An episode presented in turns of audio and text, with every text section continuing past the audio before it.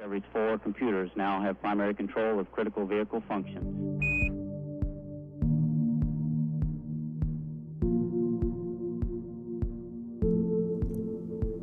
Du lytter til Ida Space Talks, en podcast om rummet over os, om hvordan universet har haft indflydelse på vores selvforståelse og vil præge vores fremtid.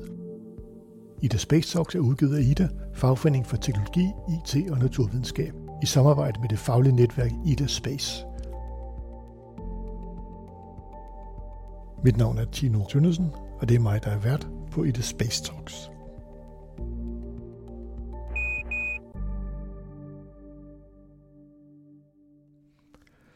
I denne første episode, så handler det om månen.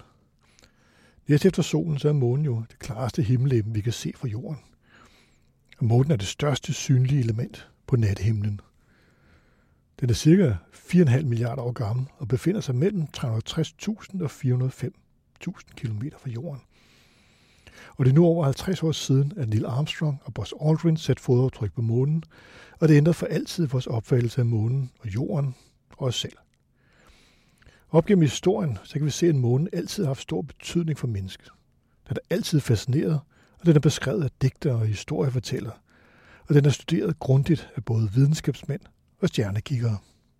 Astrofysiker Lars Occhianio, han er også fascineret af månen, og han vil i den her episode og den næste lave forskellige nedslag i menneskets historie, hvor månen har spillet en stor rolle.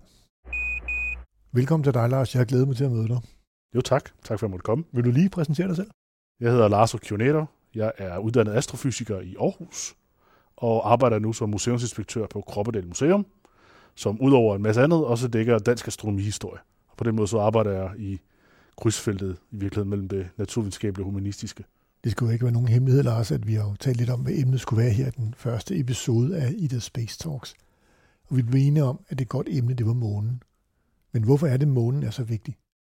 Månen er jo det klareste læme øh, om natten. Og man kan sige, måske efter solen, så har det jo været det sådan, centrale element for mange mennesker. Det er i hvert fald det læme om natten, man kan tydeligt se ikke er en stjerne. Så månen har haft en ret central betydning for kultur helt tilbage fra stenalderen i hvert fald. Regner vi med.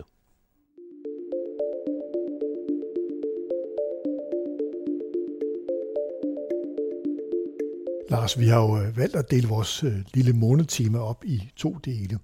I denne episode der er det fra forhistorisk tid og til det, du kalder moderne tid. Og i episode 2, der bliver det så fra moderne tid op til tiden omkring og lige efter månelandingen. Men hvor langt kan vi egentlig gå tilbage, når vi taler om månen? Ja, det er jo et meget, meget godt spørgsmål. Øh, de første sådan, træk, der kan være, det er jo arkeologiske fund.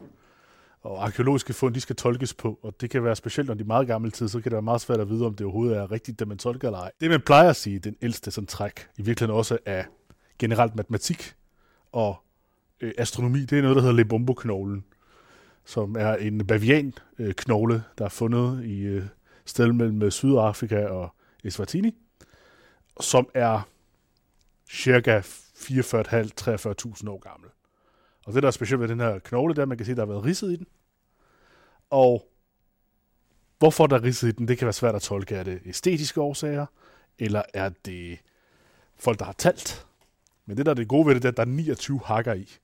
Og 29 hakker passer jo lige med antal dage i, i måne, øh, i månesystem. Så det kunne jo være, at det for eksempel er en sten eller kvinde, som har talt det, fordi det også har en øh, relation til øh, hendes cyklus. Men om det er det eller ej, det er et godt spørgsmål. Øh, lidt tættere på, 30.000 år siden, Abri Blachard, der finder man en kalender, som minder lidt mere om månekalender. Altså der kan man tydeligt, i hvert fald nemmere at se noget, der minder om sådan noget som halvmåne og nymåne og sådan noget ting. Generelt ved vi i hvert fald, at mennesker helt tilbage fra stenalderen formentlig har brugt månen som kalender. Den forandrer sig. Man kan tydeligt se, hvornår den går fra nymåne til nymåne, og man kan bruge det derfor som kalender, som rækker længere ud end bare et døgn, som er solkalender, eller som, som er den nemme at bruge. Så månen har altså været brugt som en slags tidsindikator. Det ligger jo også lige for, alle har jo kigget op på den. Det har de, og de har nok også ret hurtigt opdaget, at der er den her 29-dages cyklus, eller 29,5 dages cyklus, øh, fra nymåne til nymåne. Og derfor har kunne bruge det som kalendersystem.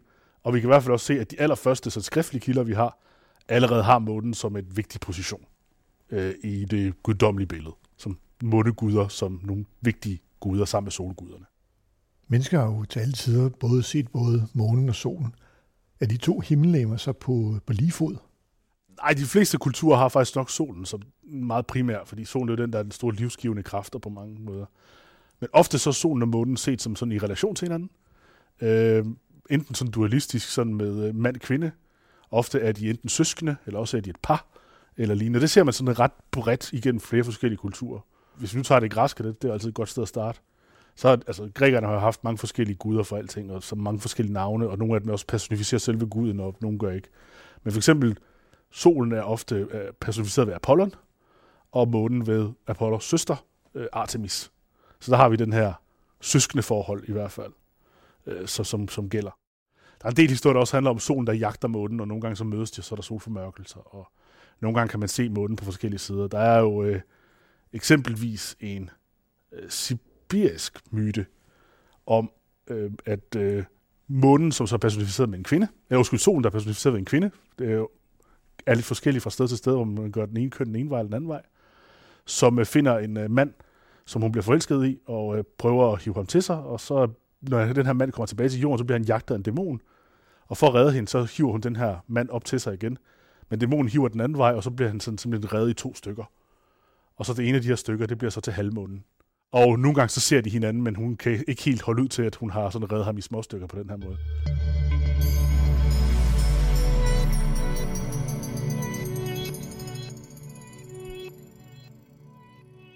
Er der nogle genkendelser fra, fra, fra, fra de forskellige kulturer? Har de haft samme opfattelse af månen, eller er der, er der, er der noget, der stikker af i det? Jamen, der er nogen lignende, igen det her med det, det duale, det her med øh, søskendeforhold, eller parforhold, eller lignende.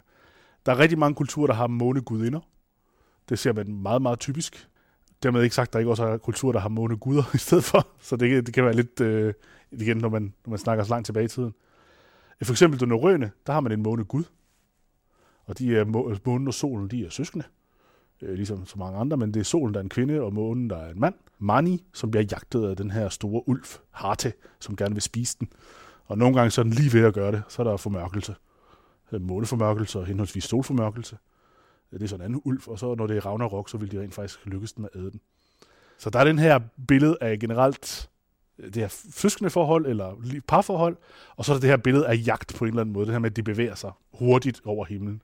Og enten så jagter de hinanden, eller også er de på flugt fra et eller andet, eller også er de trukket af karater eller lignende. Det er også et klassisk billede, der man har, I kender solvognen, man har tilsvarende også månevogne, som også bliver sådan trukket rundt på himlen.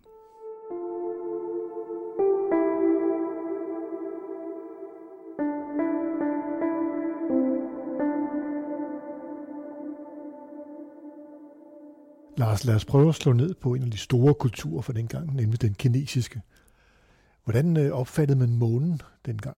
Men der er en historie om månegudinde Chang'e. Himmellemmer er ofte symboler for energier og lignende ting. Og en gammel historie er, at der engang var 10 sole og 12 måner, som så stille og roligt blev skåret ned. Og det er virkelig også et symbolik for, hvordan man har brugt månen og solen som kalender. Og en af historierne er, at den store jæger, Huang, han øh, skyder de her 10 sole ned, fordi at de er ved at brænde jorden og ødelægge det. Og han er jo gift med hende her Shang-Yi. Men af en eller anden sag, efter han har skudt de her sole ned, så bliver hun snydt af den her jægers bror, som gerne vil have øh, udødelighedsdrikke, som det er noget, hun brygger og laver. Så for at sørge for, at han ikke tager det og får det, så stikker hun af til månen, så han ikke kan få fat i hende. Og ifølge historien, så bor hun stadig på månen og er udødelig, for hun har drukket det her evighedsdrik. Øh, og der bor hun jo sammen med nogle gange en kanin, som hedder Tourje, eller jadekanin, som nogle steder er ham, der brygger de her drikke. Så der er symboler på månen, ofte med den her øh, kvinde, der bor på månen, og den her kanin, der bor på månen sammen med hende. Man kan se, rundt til, at der er en kanin på månen, det er faktisk ikke den eneste kultur, hvor man har en kanin på månen. Man kan nemlig lidt, hvis man har god fantasi, og se på skyggerne på Maren på månen, og vinder den rigtigt, så kan man nemlig godt se, at det godt kan ligne en kanin lidt. Så derfor har man haft den her med, der må være en kanin, der er på månen og laver et eller andet. der er mange af de her billeder med Shang-Yi og, og, og den her kanin, og det er også derfor, at øh, den øh, kinesiske rumprogram, måneprogram, er opkaldt efter hende. Og de små øh, robotter, der har været øh, sendt på månen, og specielt på den mørke side af månen, som kineserne har været glade for at gøre, de er opkaldt efter den her kanin. Så de alle sammen hedder Jadekanin 1, 2, 3, 4, 5 og så videre frem. Ikke? Og Shang-Yi også 1, 2, 3, 4, 5 og så videre frem. Øh, en sjov historie er, at da Apollo-astronauterne blev uh, Apollo 11, de skulle lande på månen, der fik de faktisk besked på, at de skulle holde øje med hende. Among the uh, large headlines concerning Apollo this morning is one asking that you watch for a lovely girl with a big rabbit. An ancient legend says a beautiful Chinese girl called Chang'o has been living there for 4,000 years. It seems uh, she was banished to the moon because she stole the pill of immortality from her husband.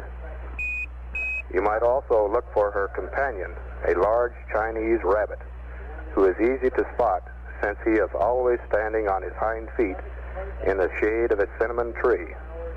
The name of the rabbit is not reported. Okay, we'll keep a close eye for the bunny girl. Roger.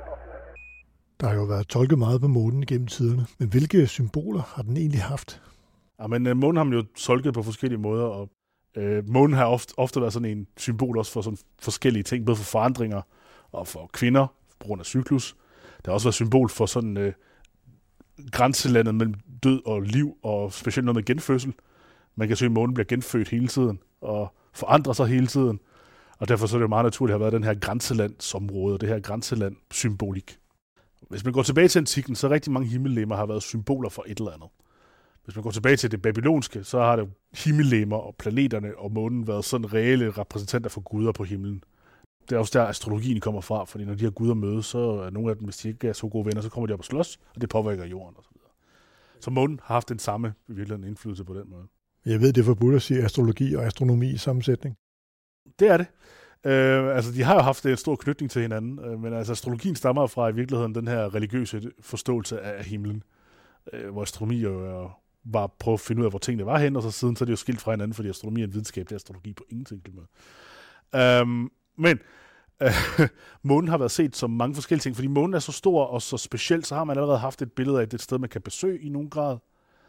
Men, øh, og som et man har også haft en idé om, at den er relativt tæt på, fordi den kredser hurtigt rundt, og man har også kunne måle afstand til den allerede relativt tidligt. Så man har vidst, at den var tættere på en planeterne, for eksempel. Så man har også haft månen som det her grænselandområde. Både grænseland sådan spirituelt mellem liv og død, for eksempel, men også som rent fysisk grænseland mellem det jordiske og det himmelske. Øh, hvis vi nu går til det græske, så de fleste ved, at grækerne arbejder meget med de her fire elementer. Jord, vand, luft og ild.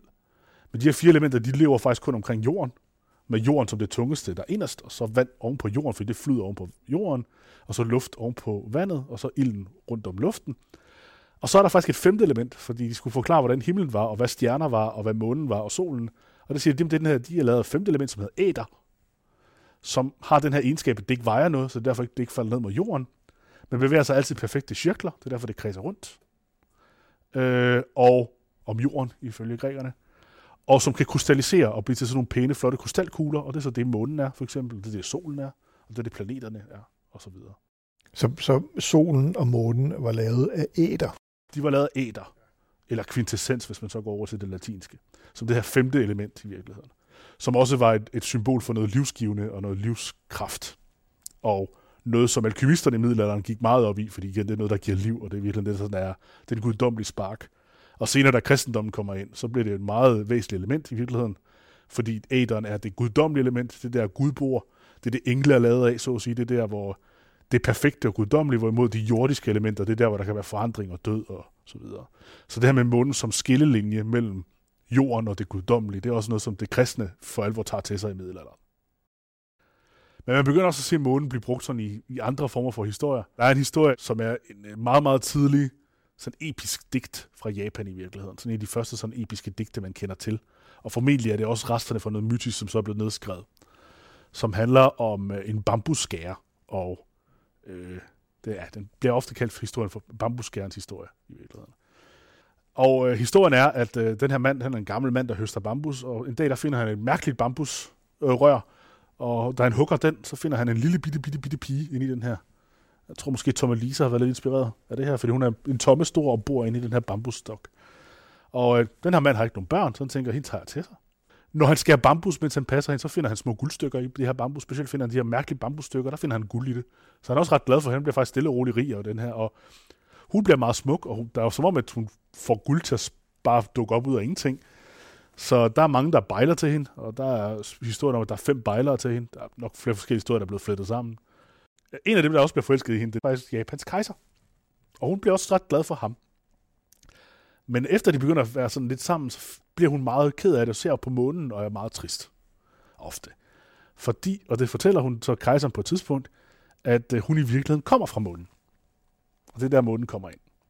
Hun er prinsesse på månen, og bliver ofte kaldt Kaguyo Hime, som måneprinsesse, eller månekvinde. Og hun øh, er blevet sendt ned til jorden for at beskytte hende. Der er nemlig en stor krig i gang øh, på månen. Sådan en interplanetarisk krig. Og øh, for at beskytte den her prinsesse, så har man simpelthen sendt hende ned til jorden i en bambusstok. Så lidt supermanagtigt for at sørge for, at hun ikke kan komme til skade. Men krigen er ved at være slut, så hun skal nok hjem igen til sit rige for at, at styre riget igen.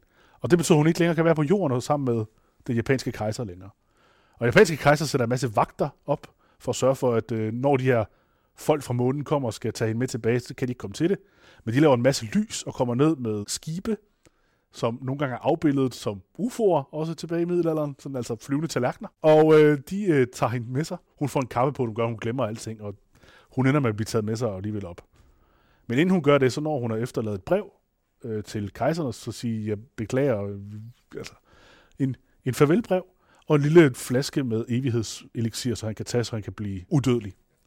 Igen den her med udødelighed, det kommer nok fra det kinesiske med månen og udødelighed jo. Det nægter han at gøre, fordi han vil ikke være udødelig og være sammen med hende, men han skriver selv et brev, og så får han sine soldater til at kravle op på det højeste sted, det der tættest på månen, så man kan brænde det her brev i håb om, at hun får besked ved, at man simpelthen brænder brevet og sender det op til hende på den måde, sammen med den her udødelighedseliksir, som man er sikker på, at der ikke er nogen, der får den. Og de er taget på den vulkan, der så i dag hedder Fuji, som betyder jo i virkeligheden udødelighed. Øh, er i hvert fald knyttet etymologisk til ordet for udødelighed. Og faktisk kanjin for det, det, det, er, det er måske nogle soldater, der trækker op til bjerget for den. Fordi de her soldater, der er gået op for at brænde det her brev, sendte op til hende. Det er jo øh, på mange måder en meget smuk historie, men også meget melankolsk historie, må man sige. Ja, samtidig er det også en fantastisk sci-fi historie. Altså, det er både Star Wars og Superman, øh, man kan referere, altså det er en interplanetarisk krig med folk på månen, der bliver sendt ned til jorden. Og det er nok den tidligste, tror jeg, man kan finde af den slags virkelig trope, vi vil i dag kalde sci-fi. Og det synes jeg derfor er en ret sjov historie. Det er måske en af de tidligste former for sci-fi historier, vi har, som vi kender. Som ikke er mytisk direkte. Ikke?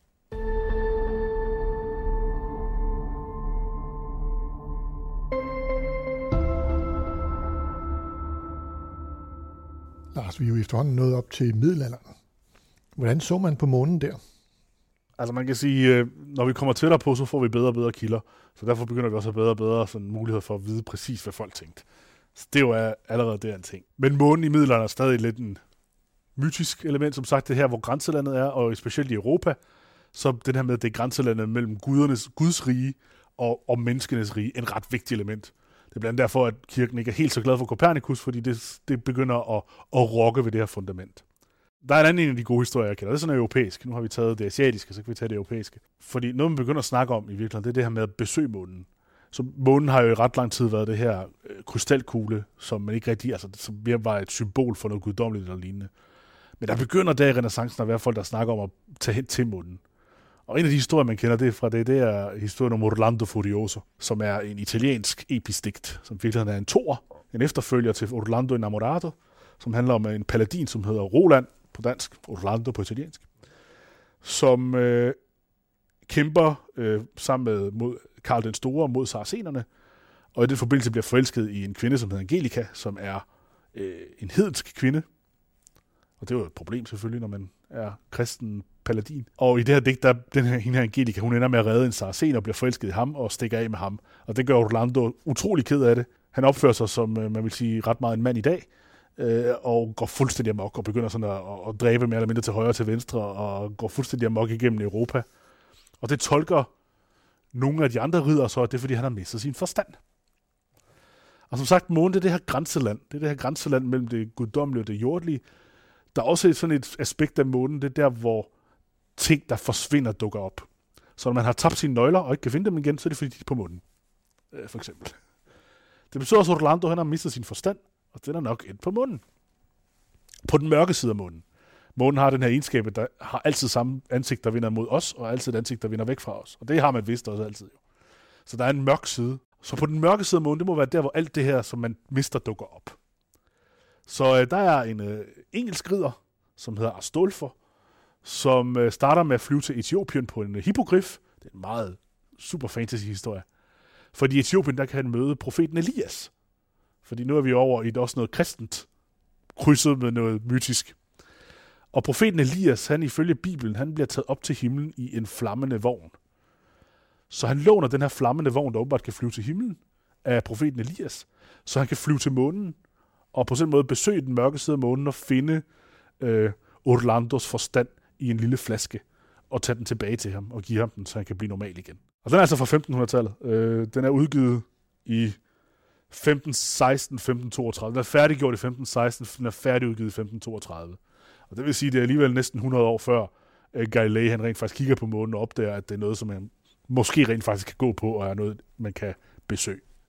Det er den måde, man driver videnskab på i middelalderen, minder i virkeligheden om den græske måde at drive videnskab på, som er, at man har nogle filosofiske idéer, som man prøver at finde beviser for på jorden.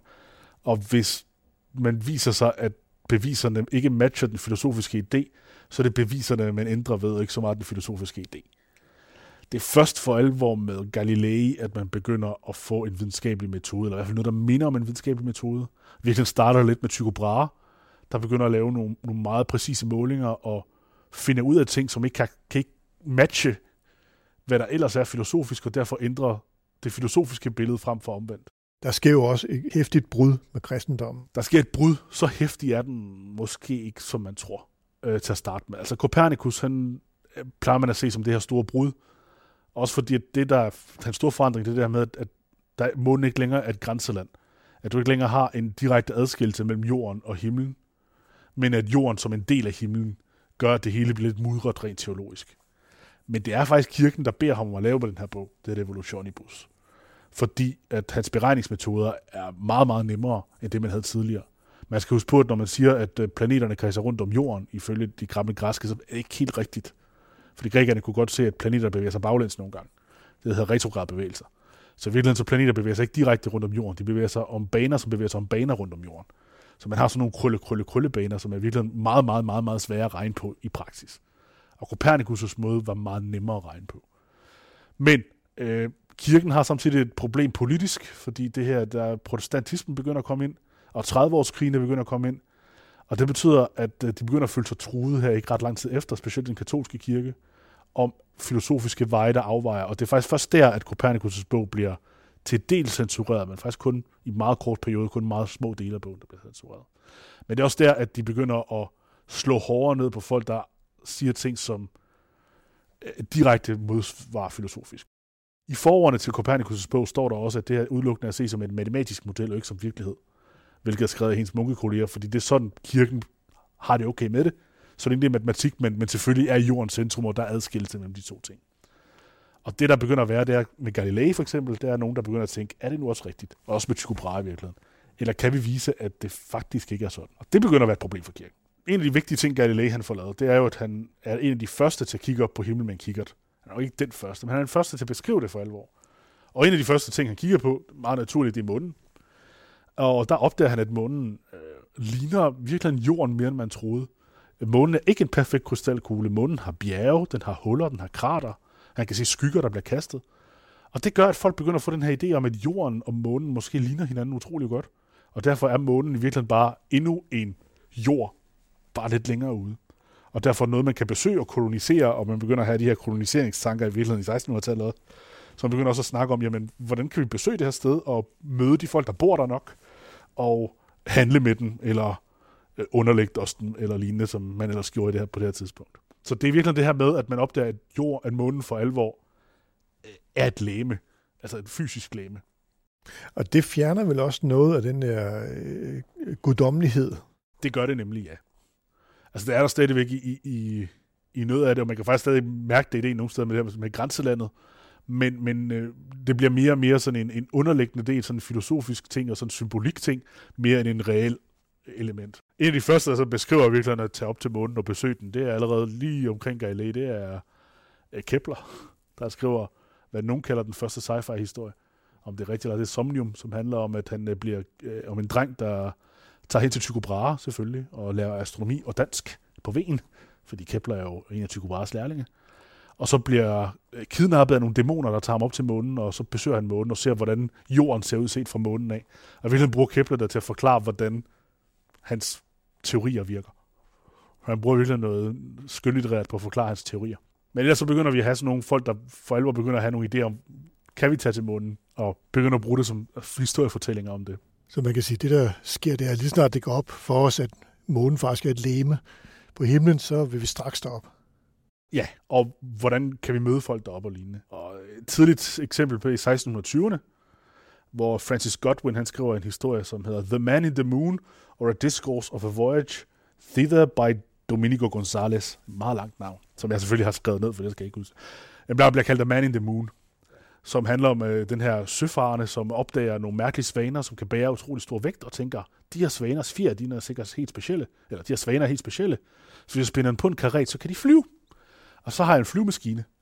Og så på vej hjem, der bliver jeg nødt til at stikke af fra nogle pirater, og så får han de her svaner til at flyve hurtigere og hurtigere og hurtigere, og så ender de med at flyve så hurtigt, at de flyver til månen. Øh, og så handler det virkelig historien om sådan en opdagelseshistorie. Det er virkelig sådan lidt Robinson Crusoe-agtigt, hvor han tager hen til månen og besøger månemennesker, som er nogle gode kristne borgere, øh, høje kristne borgere, som lever i et utopisk kristent samfund. Og så får han hjemvej, og så tager han hjem igen. Og det hele er fortalt som om, at det selvfølgelig er rigtigt øh, på den måde, som sådan nogle breve. Det gjorde man jo ofte på det her tidspunkt. Det er et tidligt eksempel på fake news, må man sige. Ja, der er bedre eksempler senere, men, men ja, det er i hvert fald sådan et eksempel. Folk vidste godt, at det var en novelle, en historie, men, men det var beskrevet som om, det var sådan en dagbogshistorie. Og det har måske inspireret en øh, teolog og videnskabs, altså naturfilosof, som hedder John Wilkins, til at skrive to bøger, som rent faktisk mere videnskabelige værker, der handler om, hvordan kommer vi til månen, øh, og hvorfor skal vi til månen, og generelt handler om det her med, at månen er altså en planet. Og det er The Discovery of a World in the Moon, og The Discourse Concerning a New Planet. Og specielt det sidste titel, det er jo det her med, jamen månen er en ny planet, vi kan rent faktisk tage hen til at besøge og være på. Og han diskuterer alt muligt, hvordan kan vi komme derhen, og han opfinder sådan, jamen hvad nu hvis vi laver et stort skib med øh, tandhjul og, og fjedersystemer, som var populære på det tidspunkt, og spænder gåsefjer eller svanefjer på den, så den kan flyve også til månen. Og det, det er hans idé for, hvordan man kan gøre det, eventuelt med, med noget krudt til at lige starte det op på. Og han begynder også at spekulere på, jamen hvad så, kan, vi skal have masser af mad med, eller hvad skal vi gøre? Og der tænker han, jamen hvis man ikke har den der magnetiske tiltrækning, som virkelig senere bliver kaldt tyngdekraften, som man begynder at have en idé om at eksistere, det har Kepler også en idé om i virkeligheden, øh, så kan det være, at vi ikke bliver sulten, fordi vores mave ikke bliver trukket ned. Øh, så derfor behøver vi nok ikke at spise. og hvad så er det med at trække vejret? Og der tænker han, jamen han ved godt, når folk går op i bjergene, så har de svært ved at trække vejret. Men der tænker jeg jo nok, det er bare fordi, at når man er højt nok op i luften, så begynder man at trække øh, meget rent luft, som er englenes luft. Og det er vi ikke vant til. Men hvis vi nu stille og roligt vender os til det, så kan det være, at vi kan gøre det. Og så i stor del af hans bog handler så om, når vi besøger de her månefolk, hvordan kan vi begynde at handle med dem, og hvad for nogle ressourcer er der at handle med dem, og i virkeligheden sådan en stor sådan, traktat i, hvordan man kan kolonisere området. Det er store tanker. Ja, men i starten af bogen skriver han også, at det her det kan godt være, at alt det her er forkert, for jeg ved virkelig ikke noget om det, men det er en god måde at spekulere på tingene på. Så det er sådan, han, han helgarderer sig, kan man sige, på den her måde. Om ikke andet, så sætter det jo i hvert fald gang i drømmene. Det, det gør det i høj grad, ja. Men han begynder rent faktisk at tænke på sådan nogle fysiske aspekter ved, ved, ved at tage til munden. Det er ret sjovt.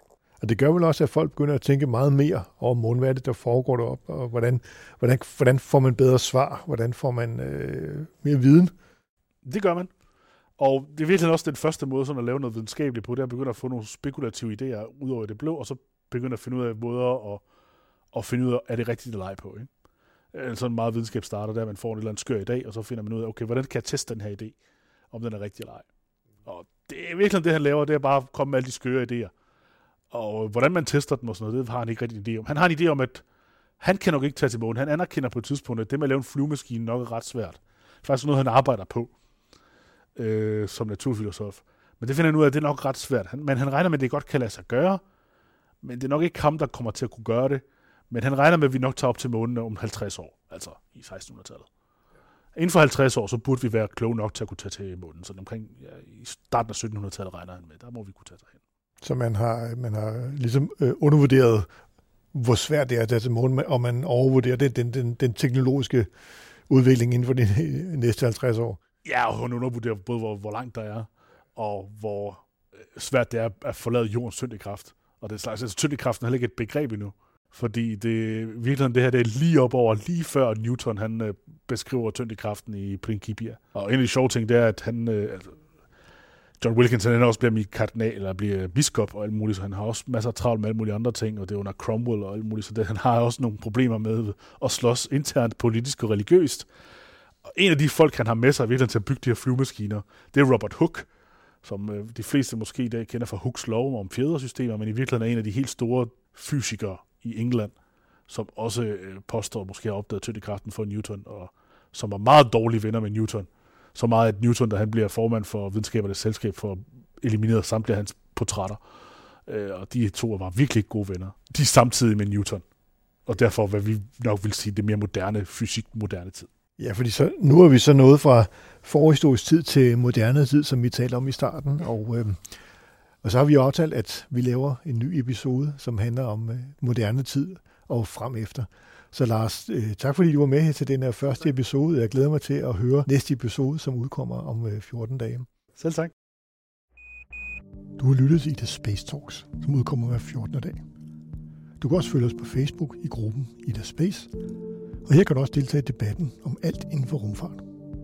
Du kan også skrive til mig på trt hvis du har et emne, som du synes, at vi kan tage op.